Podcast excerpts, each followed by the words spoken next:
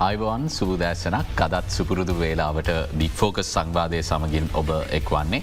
සතියන්තේ බොහෝ දෙනෙක් නිවසට වෙලා බික්‍ෆෝකස් සංවාදය නරබද්දී අද අපි අපේ මාතෘකා බවට පත්කරගන්න කල්පනා කලා ජාත්‍යන්තර දේශපාලනය.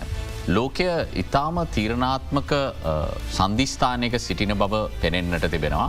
අපි මතුපිටින් නිරීක්ෂණය කරනවට වඩා තත්ත්වය ඉතාම සංකීර්ණයි සහ මේ සිදුවමින් පවතින බොහෝදේ මිනිස් වර්ගයාගේ අනාගතය තීරණය කරමින් සිරිනවා අපේ ඉදිරි ජීවිතවල ඉර නම තීරණය කරමින් සිරිනවා. එනිසා මේ දිවයිනේ ජීවත් වෙන අපි ලෝකයේ සිදුවෙන දේවල් පිළිබඳව වඩාත් තීක්ෂණ ශීලීව විමසීම ඉතාම වැදගත්. එනිසා අපි මේ මතුපිටින් බලන කියවීම වෙනුවට වඩාත් පුළුල් කියවීමකින් අද ලෝක දේශපාලනය පිළිබඳව කතාබා කරන්න තීරණය කළ බුදන්න දිනපතාම අපි ගලෝබල ඇංගල් තුළින් ඔබට ලෝක දේශපාලනය පිළිබඳව තොරතුරු ගෙනනවා. අද විශේෂඥයෙක් සමඟ මේ පවතින භූදේශපාලනික වාතාවරණය පිළිබඳව කියවා ගැනීමක් කරන්න තම අපි සූදානම සිරින්නේ. අයිබුවන් කියල මංජුල ගචනායක මහත්මය පිළිගන්න අයිබොන් එතුවන්ව අපි බොහෝවිට හඳුනාගන්නේ ලංකාවේ මැතිවරණ නිරීක්ෂකයෙක් විදිට ලංකාවේ දේශපාලන විචාරකයෙක් විදිට නමුත් අද අන්තර්ජාතික සබඳදාගෙන විශෂය සම්බන්ධයෙන් නොහු ප්‍රාමාණික විශේෂඥයෙක් වන නිසා අද ඒ ගැන කතා කරන්න සූදානම් මොහොත් සමඟ.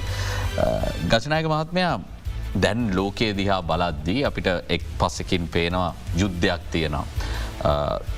රුසියාව සහ යුක්්‍රේණය අතර බැලූ බැල්මට යුද්ධය තිබුණාට මේ සැබවින්ම ඒ රටවල් දෙක අතර යුද්ධයක්ද නැත්තා අපි සාමාන්‍යයෙන් හඳුන්නන ප්‍රොක්සි කන්ෆික්ට ඇද කියන ප්‍රශ්නාර්ථය තියනවා. ඔබට පුළුවන් ඒ පැහැදිලි කරන්න. ඒ වගේම මේ නිර්මාණය වෙලා තියෙන අලුත් තත්ත්ව ඇතුළේ නව ගෝලීය සඳහන නිර්මාණය වෙන වගේම සාම්ප්‍රදායක සන්ධානවලට අභියෝග කරමින් මේ අලුත් සන්ධාන ශක්තිමත් වෙන ආකාර අපි පෙනෙන්න්න තියෙනවා. ප්‍රවේශයක් ගැනීමක් විදිට ඔබ කොහොමද සමස්යක් විදිට වර්තමාන භූදේශපාලික වාතාවරණය කියවගන්නේ. ඔ ඇත්තටම මංහිතන්නේ අපිට සම්ප්‍රදායික දෘෂ්ටි කෝනයෙන් කිසි සේත්ම වටහාගන්න හෝ කියවීමට නොහැකි මට්ටමක් වර්තමානය වන විට උදා වෙලා තිබෙනවා ම දුටුව ගලෝබල් ඇංගල් වැඩසටහනේ දීත් ඔබ නිරව යුද්ධයක ප්‍රවේශය පිළිබඳව යම්මාකාරයක මේ වර්තමානය පවතින තත්ත්වය පිළිබඳව කතා කලා. කෙසේ විතත් මට පැහැදිලි වන දේ තමයි වර්තමානයක් එක්ක අපිට ඉතාම පැහැදිලි. එක පැත්තකින් එක පසකින් නිරවියුද ආතතිය යම්මාකාරයකට පැමිණිමින් ප්‍රවේශවමින් තිබෙනවා නමුත් මම පැහැදිලි කරන්නම් එයම නොවෙයි කියා සිද්ධ වන්නේ. නමුත් සුවිශේෂී වශයෙන් මෙහි සඳහන් කළ යුතු තම අර බයිපෝලා නැත්නං අර දෙපාර්ශවයක් අතර විහිදිච්ච බල අරගලය බල තුලනය යම් ආකාරයකට අර නිශ්චය කරගත නොහැකි පාර්ශව කීපයක් කරා යම්මාකාරයට ගොස් තිබෙනවා. හොඳ හොඳ මුදාහරණය තමයි දැන් විල්සින්නේ නැන්න ලිතුවේනියාවේ මේ වන පහුගේ කාලය ඇතරම සතියකට පෙර සාකච්ඡා වනා නේටෝ සමිට් එක ඒ තුළ යුක්‍රණය සාමාජිකත්වය සහනිකුත් කාරණා පිළිබඳව. හැබැයි දැන් එහි යම් අසාර්ථකත්වයක් තිබූ නිසාම සෞධ්‍යරාබයේදී මේ පිළිබඳව සාකච්ඡා කිරීම සඳහා මැදිහත්කරුවෙක් වශයෙන් ඉන්දියාව යොමු වෙනවා. එතකට අපට පේනවා මේ තුළ යම්මාකාරයකට අපි අර ඉතාම ප්‍රබල මංසලකුණු වශයෙන් දුටුව රාජ්‍යයන් එක පසකට වී තවත් රාජ්‍ය කිහිපයක් මේ තුළට ප්‍රවේශ වෙනවා. ඒ තුළ සිදුවිය හැකි ප්‍රධානතම දේ තමයි අපි අර නිරවයුද්ධ කාලයේ දුටුවා යම්මාකාරයක දේශපාලනික වශයෙන් තිබූ ආතතිය නිසා එක් එක් රාජ්‍යන්ට සිද්ධ වනා ප්‍රබල රාජ්‍යන් දෙකෙන් එකක තෝරගන්න තෝරගන්න. දැන්හෙම නෑ එනිසා තම ඉන්දියාව සෞධරාබියයට පවා ගොස් යමාකාරයකට මේ පිළිබඳව මැදිහත්වීමට උත්සාහ දරනු ලබන්නේ. එම නිසා මෙහි අපි දකින ප්‍රධානමදේ තමයි මම හිතන්නේ වර්තමානය වන විට අද වන විට. මේ වර්තමානයේ පවතින යුද්ධමය සහ යමාකාරයකට පවතින ආතතමය තත්ත්වය ප්‍රකාශ වෙන්නේ නැහැ හැබැයි ඒ තුළ නිහඬව සිට ඉතාම ප්‍රබලවාසියක් චීනය ලබාගන්නව අනික් පසින් ඉතාමත්ම භයානක ප්‍රවේශයකට තමයි මන්දොරකට තමයි අපි ළඟාවෙන්න ඉතාම කෙටියෙන් සැලකුවෝ හොත් අපි දේශපාලනිකව මෙහි බිඳ වැටීම තිබුණට වඩා ම දකින්න මේ ඉතාම ප්‍රබලාකාරයකට අපි දැක්කොත් world food global food chain එක සප්ලයි චේන් එක ඇත්තටම සම්පූර්ණයම බිඳ යම් ආකාරයකට මිඳ වැටමින් පවතිනවා යුක්‍රණය අර්බුදයක් එක්ක. එම නිසා ගෝලිය මාකට්ටික වෙළඳ පොළ තුළ ක්‍රමයෙන් වැඩිවන මිල සහය තුලනය කිරීම සඳහා බටහිර රාජ්‍ය ගන්නාව උත්සාහයාත් තුළත් තෙවන ලෝක රාජ්‍යන්ට දැඩි බල පෑමක් වෙනවා. එමනිසා ඔබ කියන මං සලකුණ සන්ධිස්ථානාත්මක තත්ත්වය වඩා ප්‍රබල රටවල් වලටත් වඩා මේ බලපාන්නේ ඇත්තටම තෙවනි ලෝකයේ හෝ මැදියාදෑම් ලබන රටවල් වලට. අපි යුද්ධය ගැන කල්පනා කරදදි බොහෝ දෙනෙක් මුලද හිතුවා මංචුල ගචනායක මහත්මය මේ යුද්ධය දීර්ඝ කාලයක් පවතින යුද්ධයක් බවට පත්වෙන එකක් නැහැ කියලා. ශ්‍රී ලංකාව තුළ ඉන්න විචාරකින් පවා විශේෂම යුක්්‍රේණය සහ රුසියාව අතර යුදමය තත්ත්වයක් නිර්මාණය වුණට පස්සේ. රුසියාවේ තියෙන ශක්තිය යුද ශක්තියත් එක්ක දිගු කාලයක් යුක්්‍රේණයට මේ තත්ත්වය පවත්වාගෙන යන්න බැහැ කියන තර්කයාව. නමුත් මේ වෙද්දි විශාල වශයෙන් බටහිර යුදා අදහරත් එක්ක යුද්ධය ඉදිරියට කරගෙන යනවා. නමුත් මෙහි අපි මතුපිටින් නොදකින දේ තමයි මේ වන විට අමරිකාව මේ පිටු පස්ස මේ ආධාර ලබාදීම අකණ්ඩව කළත් යුරෝපය ඇතැම් රාජ්‍යයන් මේ වන විට මේ සම්බන්ධය යම් කිසි දෙගිඩියාවක ඉන්නවා කියන කාරණය වාර්තායන විශේෂම ප්‍රංශය වගේ රටක් චීනයත් එක්ක ආර්ථික වශයෙන් සම්බන්ධ වෙලා තියෙන විදිහට. තව කොයි තරම් කාලයක් මේ යුද්ධය කරගෙන යන්න ඔවන්ගේ ආර්ථික සයෝග දෙන්න පුළුවන්ද කියන ප්‍රශ්නාර්ථය ඔන්ට මතු වෙලා තියෙනවා. ඒ අනුව සෙලෙන්ස්කිට මේ සහය යුරෝපයෙන් බටහිර ලෝකෙන් ලැබෙන සහය තව කොපමන කාලයක් ලැබේ. ඉතාම ඉතාම වැදගත් ප්‍රවේශයක් කලින්ඳු ඒකට හේතුව තමයි අපි දුටුවා. අපි කතා කළ යුතුමයි මේ ලිතුවනියාවේ පැවැත්වෙන පැවැත්තු සමුලුව පිළිබඳව නේටෝ සමුලුව පිළිබඳව. මොකද නේටු සමුලුව ඉතාමත්ම තීරණාත්මකහි එහි ප්‍රධාන අරමුණු කිහිපයක් තිබුණ. නමුත් ප්‍රධාන වශයෙන් කරුණු දෙකක් පිළිබඳව සාකච්ඡා කලා එකක් තමයි ස්වීඩනයට සාමාජිකත්වය දෙන්න තුර්කය එකඟ වුණ අවසානයේදී. එනිසා ඒ පිළිබඳව සාකච්ඡාව සහ යුක්‍රණයට දෙන සාමාජිකත්වය පිළිබඳව. නමුත් අවසානයේදී බලාපොරොත්තු බිඳ වැටුණ. සෙල සෙලෙන්ස්කිගේ ඔහු වචනයක් පාවිච්චි කර අවස්ථාවද ඇප්ස නැදම් බටහිර රාජ්‍ය බොහම විකාර සහගත විසුළු සහගත තීරණයක් ගත්ත කියලා. නමුත් ඔවු නේටෝ යුක්්‍රේන් කවන්සිල් එකක් ප්‍රතිනිර්මාණය කලා ඒ කවන්සිල් එක හරහා මේ පිළිබඳව යම් සාකච්ඡාවක් පවත්වන්න පුළුවන් කියලා හැබැයි. ඔබ පැවසූ ආකාරයටම යම් හුද කලාවීමක් යුක්‍රේණයාවේ යුද්ධයේදී සෙලෙන්ස්කී විශේෂයෙන්ම අපි මෙහිදී දකිනවා එකට හේතුව තමයි දැන් අපි බැලුවොත් මේ මේකත් එක ගැටි ගැහිල තියෙන ඇත්තටම ආර්ථික සාධකය. ඔබ කිව්ව ප්‍රංශය හැරණ දිහාාව පිළිබඳව චීනේ ඇතර ඇතරම එපමනක් නොවේ. දැන් සුවිශේෂී වශයෙන් මේ තියෙන තත්ත්වය තමයි ඔවුන් දැන් බලනවා ඔවුන්ගේ විශේෂම යුරෝපය ආර්ථික ශක්තිය ශක්තිමත් කර ගැනීම සඳහා තව තවත් හැරෙන්න්න පුළුවන් නම් ගත හැකි විකල්ප කවරේද කියා. මොකද ඇතරම මෙය දැන් අපි බැලුවොත් නෝවේ වගේ රටා. දැන් අපි සංඛ්‍යාලයකනත් එක් බලන්න පුළුවන් ඇතරම මෑත පහුගේ වසරක කාලය තුළ දැන් යුද්ධ ඇතිලා වසර එක හමාරක් පමණ වෙනවා.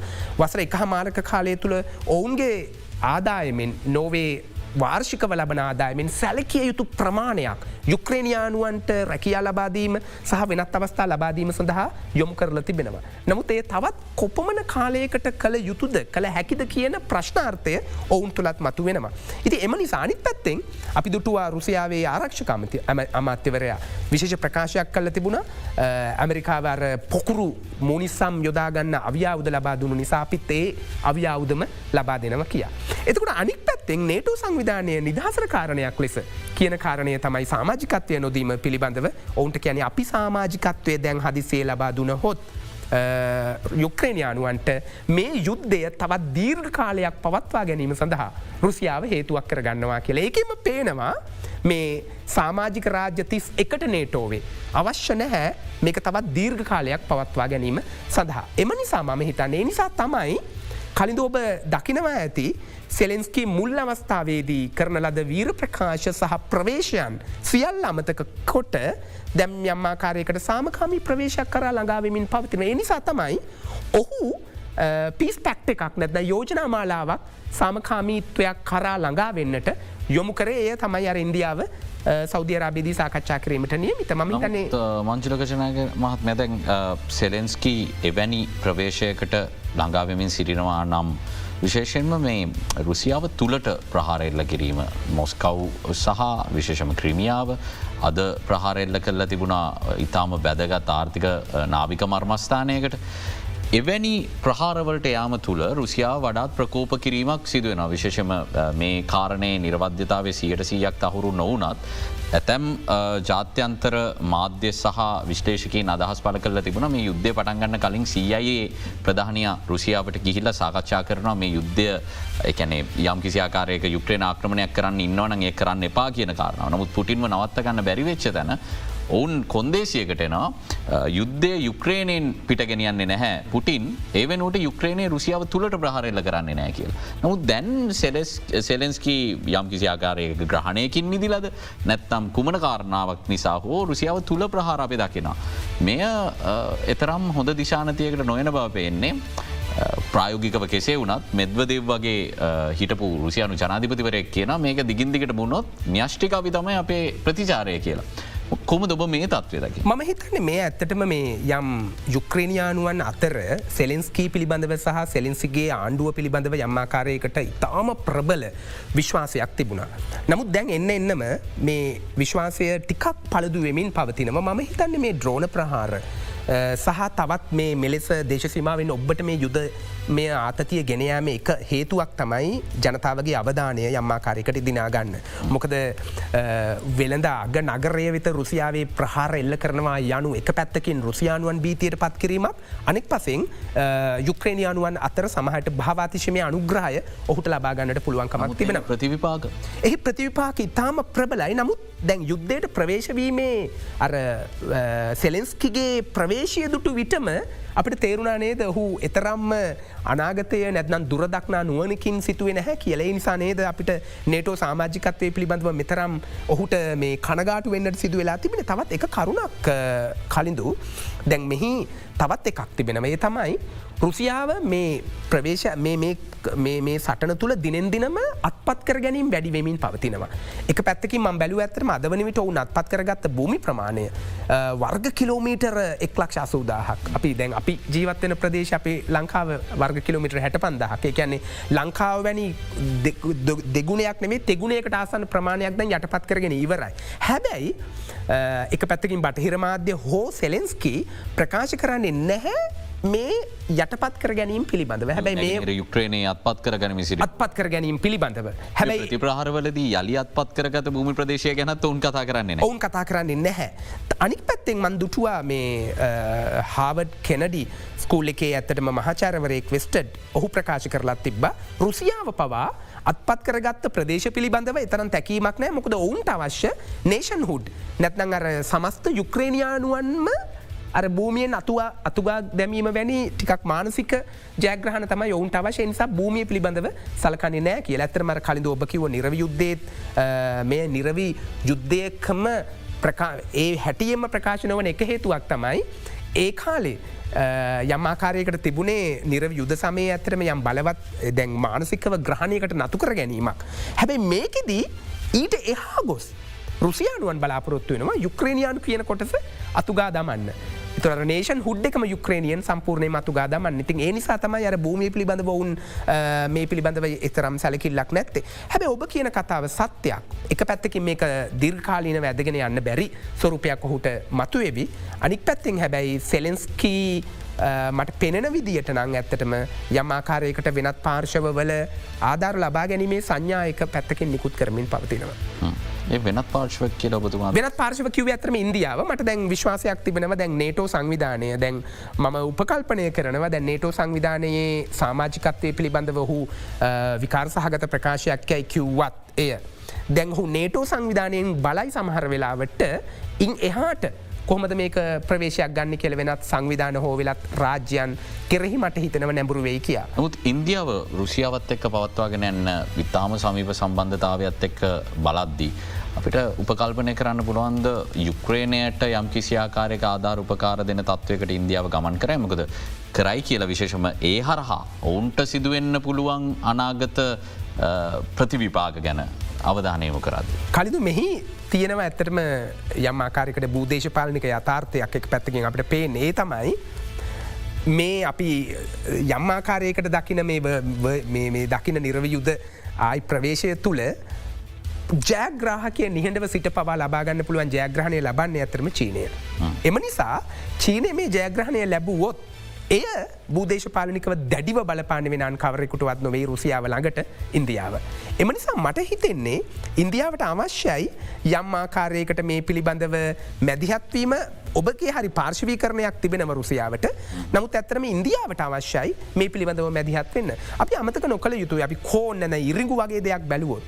යුක්‍රනේ වාර්ෂික නිෂ්පාදනය බැලුවොත් ඔවුන්ගේ ඇමරිකානු ඩොලර් බිලියන හතරයි දසම හයක් සීර පණහකට වඩා ලෝක නිෂ්පාදනයෙන් ඔවුන් යවන්නේ චීනයට එක පැත්තකින් රුසියාව අර සප් උපසහාරා රටවල් වලට යවන අතරේ. එතකොට මේ නිෂ්පාදනත් එක්ක චීනයට ලොකු බැඳීමක් තිබෙනවා. හැබැ අවසානයේද යුද්ධේ අවසානයකට ලංගුණොත් නැ මේ යුද්ධ අවසානයකට කියන යම් ලොකු යුද්ධමය ආතතියකට ගියොත් ඇත්තටම මීට ඉන්දියාව මැදිහත් වෙනට ඉඩ තිබෙනවා මොකද ඉන්දියාවේ තාර්ථික සාධකයක් රුසියාවත් එක්ක මේක තියෙන නිසා. දැන් රුසියාව කළුමුහදේ දානය විසුමෙන් ඉවත් වෙන්න තීරණය කරට පස්සේ. බොහොම ෂණයකින් ඉන්දියාව තීරණය කරන ඔන්ගේ සහල් අපනයනය තාම දැඩි ලෙස සීම කරන්න බාස්මති හැරෙන්න්න සෙසු සහල් අපනයනය කිරීම උන් සීම කරන. උන් සඳහන් කරන්නේ දේශීය වෙළඳ පොලේ මිල පාලනය කර ගැනීම සම්බන්ධයෙන් තීරණය කළ ගත්ත තීරණයක් කියලා. නමුත් ඔබ හිතන්නේ මේ රුසියාවට තවදුරටත් පීඩනයක් ලබාදීම මේ යුද්ධය සම්බන්ධයෙන් ඉන්දියාව අරමුණු කරගත්ත කියලද මම හිතෙන්නේ මට හිතෙන්නේ ඇත්තටම රුසියාව වෙත්ත යම්මාකාරකට පීඩනයක් දෙනවාට වඩා. මොකද අපි අමතක නොකළ යුතුයි රුසියාව රුසියාව හා සමගාමීව සම්බන්ධතා පවත්වන අතර ඉතාම ප්‍රබල සම්බන්ධයක් වුන් ඇමරිකාව සමගත් පවත්වනවා.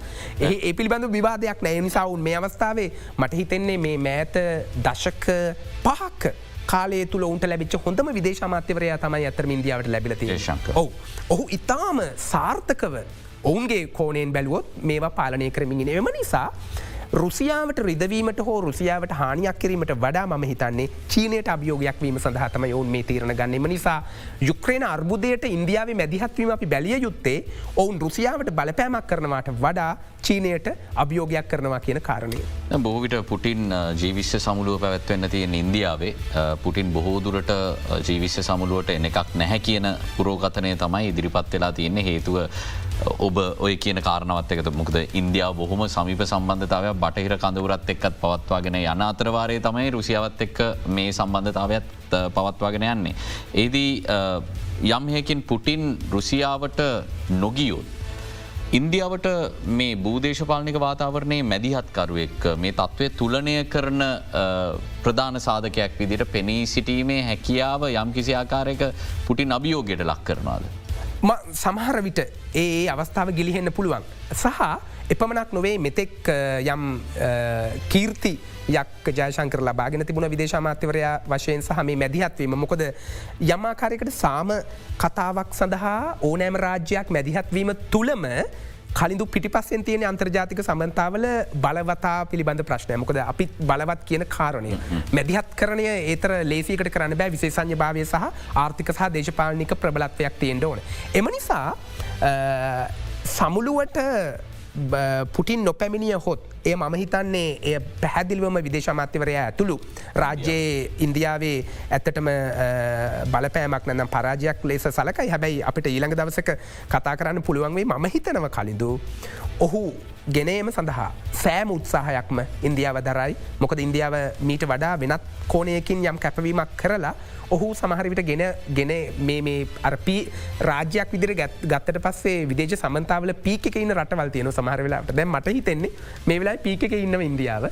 එම නිසා සමහරවිට අවසාන මොහොතේ හෝ පුටින් අදහස වෙනස් කරල පැමිණිය හොත් පුටින් කියල තියෙන අයවන් තෝට බවට එහෙම කියල තියෙනවනමුත් අපි ටිකක් වෙනස් වන දේවල් ගැන හිතුවොත් ඇතම සමහට පැමිණියහොත් එයත් මේ යන විද පුදුමයක් නෙවේ ඇතරම චීනය මීට කලින් මේ සාම ගිවිසුමක් වෙනුවෙන් මැදිහත් වුණා. නමුත් ඉන්දියාව කරන මැදිහත්වීම මේ චීනය කරන මැදිහත්වීමට වඩා ප්‍රබල මැදිහත්වීමක් වීමක් වෙන්න පුළුවන් වෙන්නේ උන්ට බටහිර කඳවරත් එක්කත් තියෙන සමීප සම්බන්ධතාවත් එක්ක. සෞධ අරාබියට මෙතන තියෙන භූමිකාව මොන වගේද. ඕ සෞධ අරාබිය මහිතන අපි මෑතත් ගත මට මේ හරස් ප්‍රශ්න දිටහන්න සෞධ අරාබිය සහ ඉරාණය අතර සම්බන්ධතාවය කිසිවෙක් නොසිතූ විදියට බොහොම හොඳ තැනකට ගෙනෙන්න සමත් වනේ චීනය.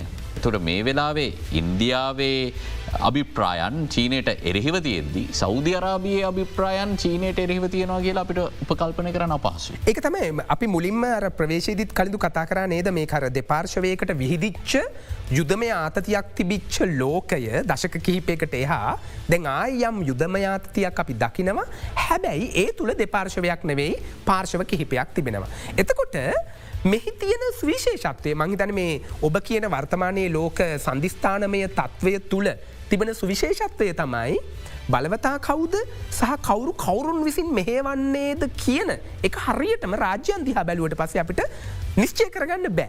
ඒ තමයි මේ එක පැත්තකින් මේ ජාත්‍යන්තර සම්බන්ධතා සංකීර්ණයි. හැබැයි සහ කලින් ඔබ මන්දන්නව ඒ පිළිබඳව හදාරනව මේ ජාත්‍යන්තර සම්බන්ධතා විශෂහි තියෙන බියුටිය එකත් මේක මොකද මෙහි තියෙන සුවිශේෂී සම්බධතා ජාලය. ඉති එම නිසා මෙහි මූලික වශයෙන් මේක තියෙන එක කාරණයක් තමයි සෞධ අරාබිය සහ නිකුත් ඔය මැද පෙරදිග රාජ්‍යයන් ඇතරම් කටාර් විශේෂයෙන්ම ඒ රාජ්‍යන්වල අපි මෑත කාලිනව දකින එකක් තමයි දැන් ඔවුන්ට ඇතිතරන් සල්ලි තියෙනවා. ඔවුන් ඇතිතරන් යම්මාකාරයකට ජනතාවට සහනත් දීල තිබෙනවා. ජනතාවත් සමුද්ධිමත් ආකාරයකට ජීවත් වෙනවා. නමුත් ඔවුන්ට එකක් අඩු වෙලා තිබෙනවර සංස්කෘතිකමය සහ ලෝක ලෝක ප්‍රවාහයත් එක්ක එකතුවීමේ අඩුව. මහිතන එය තමයි මූලික වශයෙන් මේක සම්පාදනය වෙන්නේ. අනික් පැත්තෙන් ඉන්දියාව චීනය සහ ඉරානය පිළිබඳව සලකා බැලීමේදී.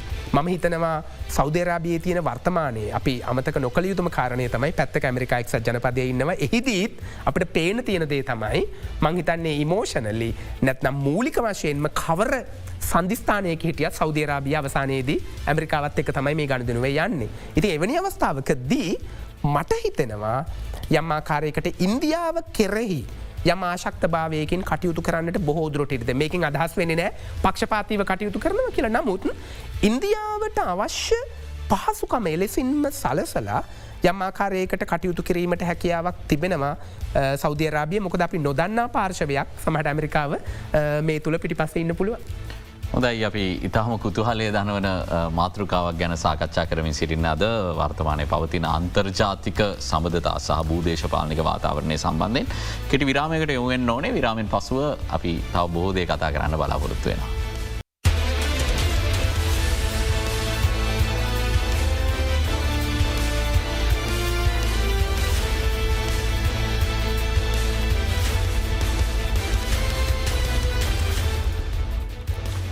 අන්තර්ජාතික සබඳතා පිළිබඳ විශ්ලේෂක මංචුල ගචනායක මහත්මඇතක සාකච්ඡා කරමින් සිරින්න අද බික් ෆෝකස් සංවාධය අපි දැන් මේ යුද්ධය ගැන කතා කරදදි ගචනායක මහත්මය අමරිකාව මේ යුද්ධය ආරම්භයට කලින් ඔවුන්ගේ හැසිරීම දිහා නිරීක්ෂණය කරාම මේ යුද්ධය ආරම්භවීම සඳහා විශාල භූමිකාවක් හිටු කරා කියලා පෙනෙන්න තියෙනවා. අම්මයකින් ඔවුන් මේ වන විට චීනය ඔබතුමා පැහැදිලි කරා වගේ නිහඩව මෙහි වාසිය ලබා ගැනීමින් සිටිනවා. ලෝකයේ නව සන්ධාන බීවමින් තියෙනවා. ඔවුන් ජාත්‍යන්තර තලේ පවත්වාගෙන ගිය ඔවුන්ගේ ආර්ථික ආධිපත්‍යයට මේ වන විට තර්චට දැඩි තර්චන එල්ලවමින් තිබෙනවා නව මුදල් ඒකක හඳුනා හඳුන්වාදීම සම්බන්ධයෙන් බ්‍රික් ඇතුළු සංවිධාන කතාබහ කරමින් ඉන්න තුර දැම් මේ යුද්ධය නිසා ඇතිවෙලා තියෙන අලුත් ප්‍රතිඵල බොහෝමයක් අමරිකාවට එතරම් හිතකර නොවන ප්‍රතිඵල කියල්දම පෙනෙන්න තියෙන්. යනුව ඔවුන්ට යුද්ධය අවශ්‍ය වනා නම් ඒ වෙලාවේ අමරිකාව ගත්වයන්ට සහහි ලබාදීන් තිබෙනවා සම්පූර්ණ ජයග්‍රහණයක් ලබාගන්න අවස්ථාවක් ඇත්තටම. ඉතාම අවමයි.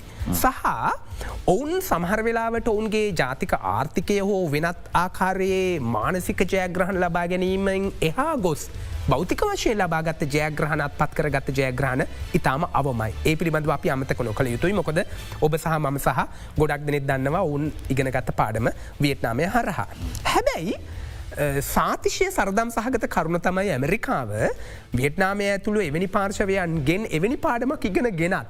ඉතිහාසේ කිසිම අවස්ථාවක උනා පස්ස බැලුවෙන්න හැ හැකි තාක් දුරටර ප්‍රබලත්වය සනාත කිරීම සඳහා ජාත්‍යන්ත්‍ර කරලියට මැදිහත් වුණා. එතකට මෙතන කරු දෙකක් තිබෙන මේ ඔබහන ප්‍රශ්නයට අදාළව කලින්ඳු එකක් තමයි ඇමරිකාව මේ පිළිබඳව මැදිහත් වනත්. මට හිතෙන තවමත්. මේ යුද්ධයේ මූලික වශය සෙලෙන්ස්කී පවබට මතක ඇති මුල් අවස්ථාවල කරනද ප්‍රකාශ මෙහි නිකං අයිතිකරුවා නැත්නං මෙහි සුජාත වගකීමක් පවරපු රාජ්‍යන් කිහිපේ තමයි රාජ්‍යන්තිස් එක නේටෝ සංවිධානය. එතුර ඇමරිකාම පවා මුලින්ම ඔවුන් ප්‍රවේශ වනත් යුද්ධයට නේටෝ එක මොකද කරන්නේ මේකට දිහා අතරම ටිකක් බලාගෙන හිටිය. එතකොට දැ ඇමරිකාවේ කොච්චර ප්‍රතිලාබ ලබා ගැනීමේ අඩුභාවයක් තිබුණත් එක පැත්තකින් මහිතන මේ ඇමරිකාව ගන්න දැන් තීන්දුවලට එක පැත්තකින් බලපානවා නේටෝ එක මේ අවස්ථාවේ ගන්න ක්‍රියාමාර්ගමකොද ඔවුන් අර නේටෝ සහ යුක්්‍රේන කවන්සිලයක් ප්‍රතිනිර්මාණය කරමින් මේ පිළිබඳව මැදිහත්වීමක් කරට ඇත්තට මර සාමාජිකත්වය නොදීම ඇතුළු කාරණ තුළ යම් අක්‍රීභාවයක් අපි දකිනවා. කාලරාමුවක් දෙන්න කියල සෙලෙන්ස්කි කියන ඉල්ලීමටත් ඒ පවා දෙන්න. හැ ඔවුන් ඒවිනුවට හරි ලස්සන ප්‍රකාශයක් කරලා තිබ ඒවිනුවට කියල තිබ්බේ යුක්්‍රේණයානු හමුදාව. නේටෝ හමුදාව සමග බොහොම ඒකාත්මිකව කටයුතු කරමින් තිබෙනවා. ඉති මේ ක්‍රමය ඉදිරියට යයි එම නිසා අපි ඉක්මන් නොවිය යුතුයි කාලරාමුවක් ලබාදීම සඳහා කෙලෙතකොට ඇමරිකාව නේටෝ දිහ බලාඉන්නවා එක පැත්තකින්. අනික් පැත්තෙන් පේන තියෙන දේ තමයි මටනං හිතෙන දැන් ඇත්තටම ඔවුන් දැන් හිතනවා ඇති බොහෝදුරට මෙහි නිහට ජයග්‍රහකයක් ඉන්නවා. ඒ තමයි චීනය. ඔවුන් ආර්ථික වශයෙන් මේකෙන් කුම අවස්ථාවකද ප්‍රතිලාබ ලබාගත හැක්කේ කියන කාරණය තුළ තමයි අතරම ඉන්නේ. එම නිසා ඔබට මතක ඇති මෙහි සඳහන් කළ යුතුම කාරණයක් තිබෙනව කලින්ඳු. ඒතමයි ඔබ දැඩිව හදාරණ නිසා නිරව යුද්ධ සමය පිළිබඳව පසුගේ ශීත යුද්ධ කාලයේ සීත යුද්ධ කාලයේ අවසානයට අපි හිතුවේ ඇමරිකාව සහ රුසියාව දෙපාර්ශවයක හිටිය. හරි එහමනම් මේ දෙපාර්ශවයෙන් පාර්ශවයක් ප්‍රබල වෙන්න ඕන කියලන හැබැයි එහි ප්‍රතිඵලය වුණේ අවසන් ප්‍රතිඵල ජාත්‍යන්තර සමන්තා විග්‍රහහිදි මට පේන්නේ රුසියාවට අවනත වෙන සිද්ධ වුණා චීනයට. එතකට ඒක තමයි ඒ සීත යුද්ධේදි සිද්ධ වුණේ දැන් මේ ගෝලිය යථාර්ථය ඇමරිකාව නොදන්නවා නොවේ. එම නිසා ඔවුන්ට අම නැහැ තවත් ප්‍රබල හවුල්කාරයෙක් නම් ප්‍රබල ජයග්‍රහකයෙක් තවදුරටත් චීනය ප්‍රබල ජයග්‍රහකයෙක් වනවා බලන් එම නිසා. දැන් මට හිතන කාරණය තමයි ඇමරිකාව. දැන් මේක විශ්ලේෂණය කරමින් පවතිනවා. තක්සේරු කරමින් පවතිනවා. ඔවුන් අව්‍යවුද ලබාදීම දිගටම කරනවා. නමුත් අවසානයේද ඔවුන් නම් හිතන මේකටික සංක්‍රාන්ති ට්‍රන්සිෂනල් පීරියඩ් එකක් මට හිතන මේ අවස්ථාව වන විට ඔවුන් මේක තක්සේරු කරමින් ඉන්නවා කිය. සාමරිකානු අභ්‍යන්තර දේශපාලනය තුළ ඉතාම කාරබහුල සමයක් කෙන්නේ මීළඟ අවුද්ධ ජනාධිපතිවරණයක් පැවත්වෙන ඩොනල් ට්‍රම්ප් රිපබ්ලිකන් පක්ෂයේ ඉදිරි පෙළේමින්න අපේක්ෂකයා පෙරමුණේමින්න අපේක්ෂකයා ඔහුට එරෙව කොයි තරම් නෛතික ක්‍රියාමාර්ග මේ වෙද අමරිකාව තුළ ගත්තත්. අනෙක් පසින් ඔහු අපරාධ නඩුව කහල වරදකරුණත් අමරිකානු නීතියට අනුව ඌට චන්දයට ඉදිරිපත්වෙන බාධාවක් නෑ. අපි හිතුත් යම්මයකින් ඩොනල් ට්‍රම් මේ වෙද්දිත් යුද්ධය ගැන අදහස් පල කරමින් කියනවා අමරිකාව මෙයට ඉන්දන දමන කෙනෙක් විය යුතු නෑ ඇවිලෙන ගින්නට මැදිහත්කරුවෙක් බවට පත්වෙලා සාමයක් නිර්මාණය කරන්න කටයුතු කරන්න ඕනි කියලා. ද අමරිකාවේ ජෝබයින් පරිපාලනය ඩිමොක්‍රටික් පරිපාලනය බිඳ වැටිලා. යම්හයකින් යලිත් ඩොනල් ට්‍රම්ප් රිපබ් ඇතුළු ඒ රිපබ්ලිකන් පක්ෂය ජනාධිපති දුරයට අවොත් මේ අභ්‍යන්තර දේශපාලනය තුළිනුත් යුද්ධයට යම් කිසියාකාරක වෙනස් ප්‍රවේශයක් ගන්නට ඉඩ තියෙනවනේද. පැහැදිලිවම පැහැදිලිවම මොකද මේ වර්ල්ඩ් ඕඩ එක සහ විශේෂන්ම ට්‍රම්ප් පරිපාලනය මේ ලෝක ප්‍රවාහයට ලෝකේ වෙනස්පින්වලට ප්‍රතිචාර දක්වන ආකාරය සමහරලට අදහා ගැනීමටත් බැහැත්තටම සහ දැන් වාසනාවට මංහිතන ඇමරිකානු පරිපාලනය සහ අභ්‍යන්තරය හොඳින්ම දන්නවා කොහොමද මේ ට්‍රම්ප ඇතරම මේකට ප්‍රතිචාර දක්වන්න කියලා. එනිසා තමයි සමහරිට යුක්්‍රේණ රුසියානු අර්බුදය ඉලක්ක කරගනිමින් නොවෙන්නට පුළුවන්. හැබැයි ඔබ කියනාකාරයේ දැඩි සීම බන්ධන සහ ගත හැකි ඉහල්ලම නෛතික සහ විවස්ථානකුල පියවර ට්‍රම්ටේරෙහි වැත්තටම ගනිමින් තිබෙන. එතකොට මෙය නොවේ අනික් ප්‍රශ්නයතර මැතිවරණ විශයහිදී පවා රුසියාවේ අර ඉමෝෂනල් නැත්නම් භාවාතිශය සහය අපි දන්නවා ට්‍රන්ට යම්මාකාරයකට තිබෙනවා.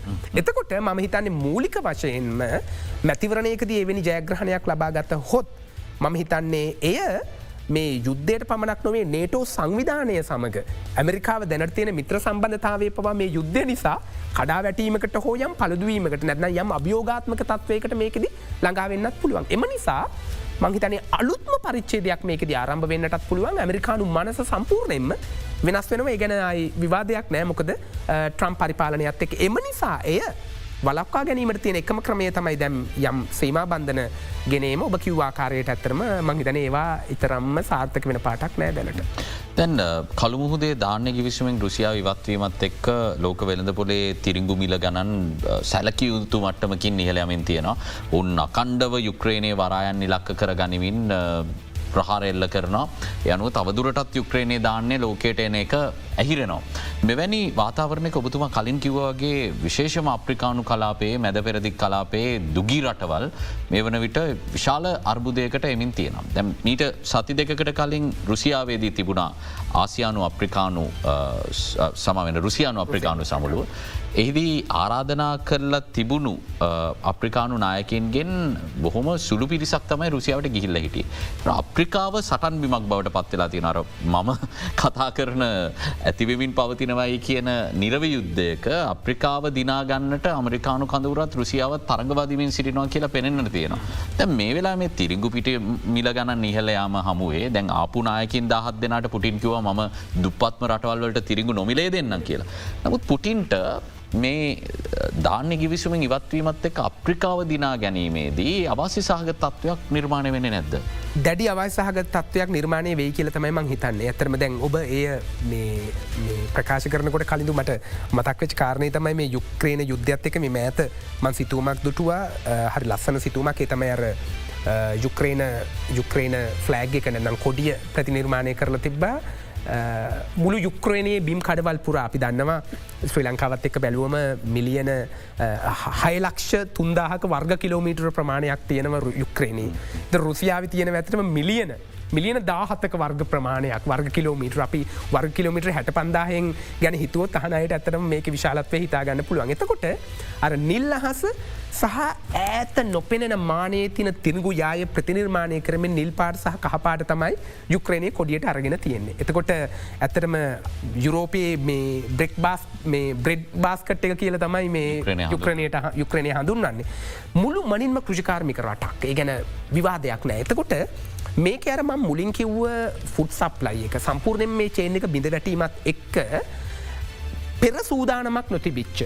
නැත්නං ආහාරය පිළිබඳව අර වෙනත් රටවල් වලින් යැපීමම පරමාර්ථය කරගත්ත විශේෂන් අප්‍රිකානු සහ ආසියාවේ සමහ රටවල් වලට මේ දැඩිව බලපානවා වගේම රුසියාව ඇත්තටම මෙය කුමන අරමුණකින් ගත්තත් මෙවැනි ගිවිසුමෙන් ඇත්තටම ඉවත්වීම යම්මාකාරයකට මේ ඉතාම අවස්සාහගතව බලපාන අවස්ථාවක් බවට පත්වෙනවා මොකද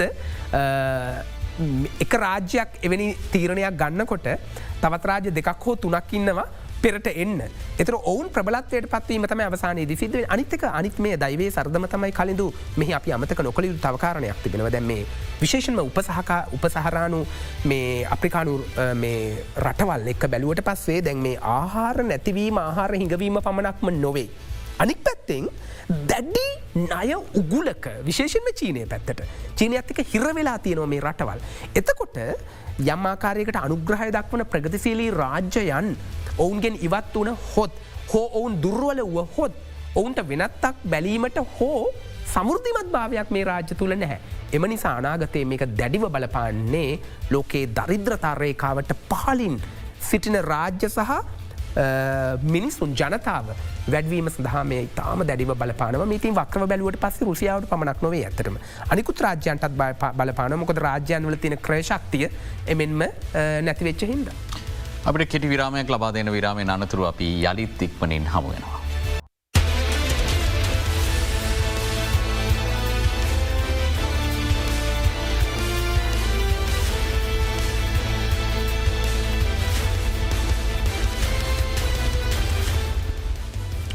ඔබයාලිත් බික් ෆෝකස් සමගින් මංජුල ගචනයක මහත්මය දැන් අපි දකින ආසියානු පැසිෆික් කලාපයත් ඉතාම උණුසුම්බේගෙනෙන කලාපයක් විශේෂ මේ තායිවානය මුල් කරගත්ත ගැටලුවේදී අමරිකාව තායිවානයට කරන මැදිහත්වීම තායිවානයත් එක්ක යුදාභ්‍යාසවල නිරතවීම ඒත් එකම චීනය මේ තත්ත්වය දිගින් දිගටම හෙලා දැකීම. තැන යුක්්‍රේණයට රුසියාව ඇතුල් වුණා වගේ යම්හයකින් චීනය ප්‍රකෝපකාරී විදියට හැසිරිලා. තායිවානය තුළට යන්නට චීන හමුදා පිටත් කරන්න කටයුතු කරොත් මේ කලාපේ යුද්ධයක් නිර්මාණය වීමේ අවධානම තියෙනවා එක කොයි තරම් ප්‍රයෝගිකව සිදුවේද කියනෙක් ගැන අපිට වෙනම කතා කරන්න වුණත් අවධානමක් පෙනෙන්න තියෙනවා. කොමද ආසියනු පැසිෆික් කලාපය දකිින්. ආසියනු පැසිෆික් කලාපය ඇත්තටම මට හිතෙන්නේ මූලික වශයෙන්ම මෙහි කේන්ද්‍රිය සාධකය බවට පත්වෙලා තින අපි මුලින්දලම කතා කරා වගේ ඇතරම චීනය. හැබැයි මට හිතනවා ආසියනු පැසිපික් කලාපයේ යුද්ධමය ප්‍රවේශයක් ගත්තොත් කලින්ඳු මූලික වශයෙන් යුද්ධයකට අවතීරණ වීමට තියෙන ඉඩ කඩ තයිවාන ප්‍රශ්නය බැලුවත් වෙනත් ආකාරයකට බැලුවත් ඇත්තටම අපිට ඉතාම අවම ඒකට හේතුව තමයි දැන් අපි බැලුවොත් මේ යුක්‍රේන රුසියානු අර්බුදය දිහා ටිකක් ඇහ ලොකු කල්ල බැලුවොත් ඕනෑම කෙනෙකුට හිතන්න පුළුවන් මේක ලේසියකින් අවසන් කරන්න පුළුවන් යුද මේ තත්ත්වයක් නොවේ. අපි එතනින්ම ආරම්භ කළොත් කලින්ඳු අපි හිතුවොත් දැන් රුසියාවේ ලක්ෂෙක්කොල් හමාරක් හමුදාව ඉන්නවා ඔවුන්ගේ දෙදස් විසිහයි ඔවුන් ප්ලෑන් කරන ඇතරම ලක්ෂ පහලවක් බවට පත් කරන්න. ලෝකය පරිමාණයෙන් බැලුවොත් ඇතරම ඇතරම පස්වනියට ප්‍රබලතම හමුදාව ඔවුන්ට පවතින්නේ. යුක්‍රණයක් දෙවිනි නෑ ඔවුන් ලෝකයෙන් බැලුවොත් ඇතම විශාලතම පහලස්වනි හමුදාව බවට පත් වෙලා තිබුණ හැබැයි ඒක දීතන් එතරම් ප්‍රබල වෙලත් මේ යුද්ධය තුළ තාමත් සියට විසි හත්තක භූමි ප්‍රමාණයක් තමයි අල්ලගෙන තියෙන්නේ යුක්‍රේණයෙන්. ඒ කියන්නේ තවත් දීර්ඝ කාලයකට මේ පරාසයෙන් තිබුන්නත්. මේක දිගට ඇදෙනව මහා මිනිස් සමූල ගාතනයක් එක ම හිතන්න ඒ මටමට දැන් ඉසරහට යයි කියලා එක උපකල්පනය කරන්න අමාරු කුමක්ද වෙන්න කළද මේකෙන් පාඩමක් තියෙනව තායිවානය හෝ චීනය පැත්තර ගත්තත්. ඒකට හේතුව තමයි අපට පේන තියන දේ තමයි මේ දේශසීම අතරින් ගමන් කරන යුද්ධයක් බවට පරිවර්තන ඇති වෙලා තිබේ යුක්්‍රේන රුසිය අර්බුදය. හැබැයි තායිවානය සහ චීනය අතර තත්වේ තුළ අපි දන්නවා මේකට සම්බන්ධයි මුහුදත්. එම නිසා යම් යුදමය වාතාවරණයක් තුළ ආක්‍රමිණිකයාට දරන්නට වන පිරිවැය සහ හානිය ඉතාම ප්‍රබලයි එක පැත්තකින්. අනික් පැත්තෙන් තයිවානේ දිහ බැලුවට පස්සේ අපට පේනදේ තමයි කොරියාවේ සහ ජපානයේ තියෙන තීරණාත්මක කියන රාජ්‍යන් දෙක තීරණාත්මක සාධක දෙක ඔවුන් කවරාකාරයෙන්ද හැසිරෙන්නේ සහ ඔවුන් යම් මෙම ප්‍රශ්නයේදී පමණක් ආක්‍රමික ස්වභාවෙන් ඇතරම චීනය තෙරහිව කටයුතු කරනු ලබනවා ඉතින් එම නිසාර කියන යුද්ධමය භෞතික වශයෙන් යුද්ධයක් අනාවරණය නොවෙන්න පුළුවන්. හැබැයි ඉන් දිගටම මේ විශේෂම අමරිකාවේ ආරක්ෂක ලේකම්බරු රාජ්‍ය ලේකම්බරු තායිවානය සංචාරය කරමින් මේ අමරිකා එක්සත් ජනපදේ බලපරාක්‍රමය තායිවානය තුළට එන්නත් කරන්න උත්සා කරමින් සිටින පසුබිමක චීනයට කොපමන කල් මේ තත්වය පිළිබඳව ඔවුන්ගේ මාධ්‍ය ප්‍රකාශන හමුවේ පවත්වාගෙනන්න පුළුවන් වෙයිද. ඕ මේකම තමයි ඇතරම ඇමරිකාව මංහිතන්නේ ඔය මේ යුක්‍රේ අර්බෝධයදිත් සිද්ධ කළේ ඇතට මර මොටිවේශනල් මොනාද මේ උත්තේජනය දිගටම ලබාදීම තමයි කළේ තයිවානයට නං ඒ උත්තේජනය ලබා නොගෙන බෑ මොකද ඔවුන්ගේ මර්මස්ථාන සහ ඔවුන්ගේ ආර්ථිකය බොහෝ දුරට ඔවුන්ගේ සම්බධතා ඇමරිකාවත් එක්ක මැතබාගේ පුදුමාකාරන්දමට බැඳිල තිබුණව සහ ජනතාවත් අපි ගියවස්ථාවලදී පවාදුටුව ජනතාවගේත් සමහර වෙලාවට තයිවාන රාජ්‍යයට තියෙන කැමැත්ත ඇල්ම සමගාමීව ඇමරිකාවටත් යොමුුවෙන් අවස්ථාවක් තමයි අපි දුටුව ටිකක් යම්මාකාරකට හැබැයි මෙහි තියෙන ප්‍රශ්නය තමයි කවර ප්‍රකෝප කිරීම් කරත්. අපි ටිකක් දකිනවා අපි දැ මේ මෑත ජාත්‍යන්තර සබඳතා තුළ චීනය යුද්ධයකට ප්‍රවේශවීමට දරන උත්සාහයට වඩා ආර්ථික මේ වශයෙන් තම හැමවෙලේම ප්‍රවේශයන් හදාගන මේකට හොඳම දේ තමයි චීනය සහ ඉන්දියාව අතර කලකට පෙර ඇතිවෙන්නට කිය යුද්ධය. ඇතර මෙහි සියලු සාධක. සියලුම භෞතික සාධක නිර්මාණය වුණා ඉන්දියාව සහ චීනය අතර යුද්ධයක් ඇතිවීමට. නමුත් අවසානයේදී ආර්ථික සාධකය ගැන සිතා හෝ මංහිතන්නේ බුගෝලිය සාධක යටති චීනය ටිකක් ආපසට ගිය. එම නිසා මෙම අවස්ථාවේදීත් කවර ප්‍රකෝප කිරීම් හමුවේ වනත් චීනය සමහරවිට ආක්‍රමණ ශීලිත්වයක් දරයි මුහුදේ තියෙන අභ්‍යාස සහ මුහුද තුළ තමන්ගේ ප්‍රදර්ශන ප්‍රදර්ශනකාමීත්වය පෙන්න්නට සමහරට තමන්ගේ ශක්තිය පිළිබඳව. මේ වන විටත් සිදු කරමින් ඉතාම ප්‍රබල සිදුව කරමින් පවතින මහිතන්ට මේක දෙගුණයක් කරල තිබෙන මේ මෑත පහුගිය සති දෙක කාලය තුළ මහිතන මින් එහාට තවටික කලක් මේක ඇදගෙනයයි මංහිතන් නෑ. අර චීනය වෙනත් රටවල්සේ විශේෂන්ම සෙලන්ස්කිගේ ප්‍රතිරූපය සේ ඔවුන් ඒ අනුගමනය කිය හතරේ කිය. මංජුල ගචනායක මහත්මය අවසාන වශයෙන් දැන් මේ පවතින ඉතාම සංකීර්ණ භූදේශපාලනික වාතාවරණය තුළ ශ්‍රී ලංකා වගේ රටක්. අපේ විදේශ ප්‍රතිපත්තිය ගැන නැවත සිතා බැලිය යුත්තේ කෙසේද මේ වන විට යුද්ධයක් ක්‍රියාත්මක වෙනවා අපි කතා කරා වගේ ප්‍රබ්බල සාමාජිකෙන් ගණනාවක් මූදේ භූදේශපාලන තරගේ තුළ නිර්මාණයමින් තියෙනවා. අපි අර විශේෂෙන් පැරණි ශීත යුද්ධ සමේදී නොබැදී ප්‍රතිපත්තියක් කොන් අනුගමනය කරා. දැන් අපිට නොබැදි ප්‍රතිපත්තියක ඉන්න පුළුවන්ද? නැත්ත අපි දැක්ක සමරලාට සියලුම දෙනාට මිතුරු සහ කිසිම කෙනෙක්ට හතුරු නැති ප්‍රතිපත්තියක් ගැන කතා කරනවා. ෆ්‍රෙන්ටෝල් එනමිටු නන් කියලා. අපි කොහොම දීතන්න මම හිත නැර මේ ෆ්‍රෙන්ටෝල් එනමට නන් කියන සංකල්පයත් එක පැත්තිකින් බැලුවම මේ නොමිදිල තමා නේද? කලින්දුවර වෙනත් වචන වලින් ප්‍රකාශ කිරීම. ප්‍රධාන වශයෙන් අපි පැවසි යුතු කාරණය තමයි ශ්‍ර ලංකාවේ දල දේශය නිෂ්පාධිතය එතකොට ශ්‍ර ලංකාවේ පවතින ආර්ථික වියූහය සහ සියලු කාරණ බැලුවට පස්සේ වර්තමානයේ සිදුවමින් පවතින මේ ගෝලී අර්බුදය හමුවේ තරම් ප්‍රබල සාධකයක් නොවේ. එක පැත්තිකින් ලංකාව හැබැයි ශ්‍ර ලංකාව ප්‍රබල සාධකයක් බවට පත්වෙනව භූගෝලිය වශයෙන් විශේෂෙන්ම ඉන්දියාව සහ චීනය කියන කාරණයේදී. නමුත් අපි තාම ප්‍රබලව කල්පනා කළ යුතු කාරණය තම ඔබ කියන එක හරි. හැබැයි තාම අපි දුට වෙන විදේශ අමාත්‍යංශය හෝ ශ්‍ර ලංකාවේ විදේශ ප්‍රතිපත්තිය යුක්්‍රේන රුසියානු අර්බුදය අර පාර්ලිමේන්තුවේ අපි කතාහනවා මේ අර්බුදය තුළ අපි අඩුවට ලාබට බඩු ගන්න කොහෙද කියන සාකච්ඡාව තමයි ගිහිල තිබේ හැබැ මිනිහා ගිහිල්ල ටිකක් විදක්ද සහ ජාත්‍යන්තර තලයේ පිළිගත හැකි සාකච්ඡාවක් තවම ශ්‍ර ලංකාවේ සිද්ධ වනේ නැහැ. හැබැයි මේ අපි හිතනවාට වඩා කලින්ඳු ඉතාමත්ම භයානකයි. මම මේකේ මම වෙනත් පාර්ශවයකින් මැතිවරණවලට සම්බන්ධ නිසාම මේක සම්බන්ධ කරන්නම්. මේ මිට කලකට පෙර ඇත්තරම නොවේ එම්බසි එක තානාපති කාර්යාලයේදීත් මේ සාකච්ඡාව යම්මාකාරයකට කරතටම දැන් ශ්‍ර ලංකාවට අපි එහි හොඳ නරක නෙවේ මං කල්පනා කරන්නේ නමුත් ඩොල අර්බුදයකුත් තියෙනවා ජාත්‍යන්ත්‍ර වශයෙන් සංවිධාන සහ රාජ්‍යන් විධ පාර්ශව අපට විශෂම බටහිර රාජ්‍යන් රාජ්‍යන් යුරෝපිය කොමිෂන් එක යුරෝප යුරෝපිය ප්‍රජාව. අපට ඉතාම ප්‍රබලාකාරයකට ආධාරූපකාර කරනවා සහ සහන දෙනවර මේ අපට දෙන වරණය සහනය ඇතරම GPS අපිට බැලුවට පස්සේ ඇතටම ඒ ඉතාම වැදකත්. එතකට එහෙම බැලුවට පස අපි නොදකින පැත්තක් තියෙනවේ තමයි ගොඩක් රටවල්. යුක්්‍රේන අර්බුදය හමේ යුක්්‍රණයට සහනදීම සඳහා කප්පාදු කරන්නේ කලින්දු ශ්‍රී ලංකාව වැනි රටවල් වලට ප්‍රධානය කරන්න නියමිතව තිබූ ප්‍රධාන. මොකද නෝවේ වගේ රට නොවේ කලින්දු තව විනාඩියක් තියනං අපට කරන්න මේක සාකච්ඡාව කරන්න පුළුවන් ඇතරම මේ නොවේ වැනි රටවල් යුක්්‍රේන අර්බුදය හමුවේ අර ඇමරිකාව දකින කෝනයට එහා ගිහිල්ල ටිකක් බොහම සමීප රූපයකින් තමයි මේක දකින අපි මේ විදේශ ප්‍රතිපත්ති පිළිබඳ ශ්‍ර ලංකාව කතා කරදදි මේවා පිළිබඳව කතා කරන්න ඕන. එක්දහස්නවසි අනු හත එක්දහසවසි අනු එකේ සෝවියට රුසියා විසිරුණාට පස්සේ යුරෝපයේ විශාලතම රාජ්‍යයක් ලෙස යුක්්‍රණය මෙහි ප්‍රධානත්වයට පත් වුණ. හැබැ අනු හතර වෙනකම් කවරුවත් දැනගෙන හිටිය නැහැ.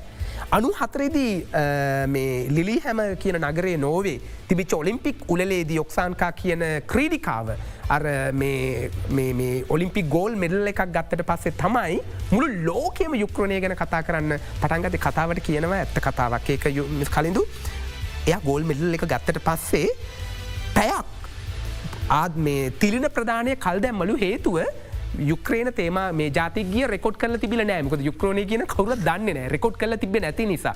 එනිසා මේක තිබේ නොවේ ලිලි හැම නගර. නොවි වැනි රටවල් වල පුදුම සමීපත්වයක් තින යුක්‍රන එතකොට අපි වගේ රටවල්වලට දෙන ආධාර තමයි කපා හරින්නේ. අනික් පැත්තේ. තව එකක් කර අපි කියන ඩයස්පෝරාව වගේ යුක්‍රණ ඉතාම ප්‍රබලව බටහිර රටවල් වලට නතුවමින් පවතිනව බටි රටවල්ල පැළපදියම් වෙනවා යුක්‍රණ ජනතාව. එතකොට එහි පදාසයකුත් ආර්ථික වශයෙන් ඔවුන් ලබාගන්න විට එහි අමවාසයක් ශ්‍ර ලංකාවෙන් රටවල්වලට මයිග්‍රේෂන් මේ සංක්‍රමික ප්‍රතිපත්තේ බැලුවට පස ලංකාවේ ප්‍රවණතා බැලුවට පස ලංකාවට බලපානව ඉතින් එම නිසා ශ්‍ර ලංකාවේ අනි පැත්තින් ලෝකාහර වැඩසටහන යට අපි දන්න ආහාර අර්බුදයක් ශ්‍ර ලංකාවේ පවතිනවා. එතුර එවැනි අවස්ථාවකදී අපට ආහාර කියන සංකල්පය වැදගත් යුක්්‍රේණයෙන් මේ ලැබෙන යුක්්‍රේණයෙන් ලෝක වෙනදපලට නිකොත් කරන ආහරත් එක මෙහි අම් අර්බුදයක් පවතිනව මේ අඩුවක් පවතිනවා. ඉති එම නිසා මේ සියල්ල බැලුවට පස්සේ පේන තියෙනදේ තමයි ශ්‍ර ලංකා වහම සාකච්ඡාවක් ආරම්භ කළ යුතුයි සහ යුක්්‍රේන අර්බුදය හමුවේ සහ වෙනත් අර්බුද හමුවේ විශේෂ මාර්ථකයට සිදුවන බලපෑම් පිළිබඳව විශේෂ සාකච්ඡාවක් පැවැත්විය යුතුයි සහ අපිට සමීප විය හැති ජාත්‍යන්තර ඇලිස් එලයන්ස් මොනවද කියලා අපි ලොකු සාකච්ඡාවක් ශ්‍ර ලංකාව තුළ කරන්න ඕන නැත්නම් ශ්‍ර ලංකාවට ඉතාම දැඩි අවාසයක් බවට පත්වෙන නොදැනී අපි යම්මාකාරයකට ප්‍රපාතයකට ගමන් කරන්න පුළන් නිසා. හොදයි බෙහිවින්ම සූතියන්තය නොබතුමට අද අපේ ආරාධනා පිළිගත්තාට. බොහෝ දෙනෙක් මේ වන විට උනන්දුයි අන්තර්ජාතික සබඳතා පිළිබඳව කතාබහ කරන්න. මොකද මේ වන විට ශ්‍රී ලංකාව මුහුණදීලා ඉන්න ආර්ථික අර්බුදයක්ත් එක්ක බොහෝ දෙනෙක්ට තේරුම් ගියා රටක් විදියට හුද කලාව කටයුතු කරන්න හැකියාවක් නැහැ කියලා. එනිසා ජාත්‍යන්තරව පවතින තත්ත්වයන් රටකට බලපානාකාරය තේරුම් ගන්න නම් මුලින්ම ජාත්‍යන්ත්‍රව තියෙන තත්ත්වයන් පිළිබඳව හොඳ අවබෝධයක් ලබාගත යුතුයි. ඒ පිළිබඳව ඔබ උනන්දුවෙන් ඉන්න බව දන්න නිසාමයි අපි මේ සම්බන්ධෙන් විටින් විට සාකච්ඡා කරන්නේ ලෝබල් ඇංගල් තුළින් අපි දිනපතාමය ගැන අවධානයමු කරන්නේ. එයනු ඉදිරිටත් අපි සූදානමින් ඉන්න මේ වෙනස් වෙන ලෝකය පිළිබඳව මෙවැනිම සංවාදවලින් ඔබ දැනුවත් කරන්නට බුදුමට යළිත් ස්තුතිවන්ත වෙන ගමන් අදට අපි සංවාධයෙන් සමුගන්න. හෙටත් සුපුරුදු වේලාවට ඔබ හමුවන්නට අපි සූදානම් සුපදිනය.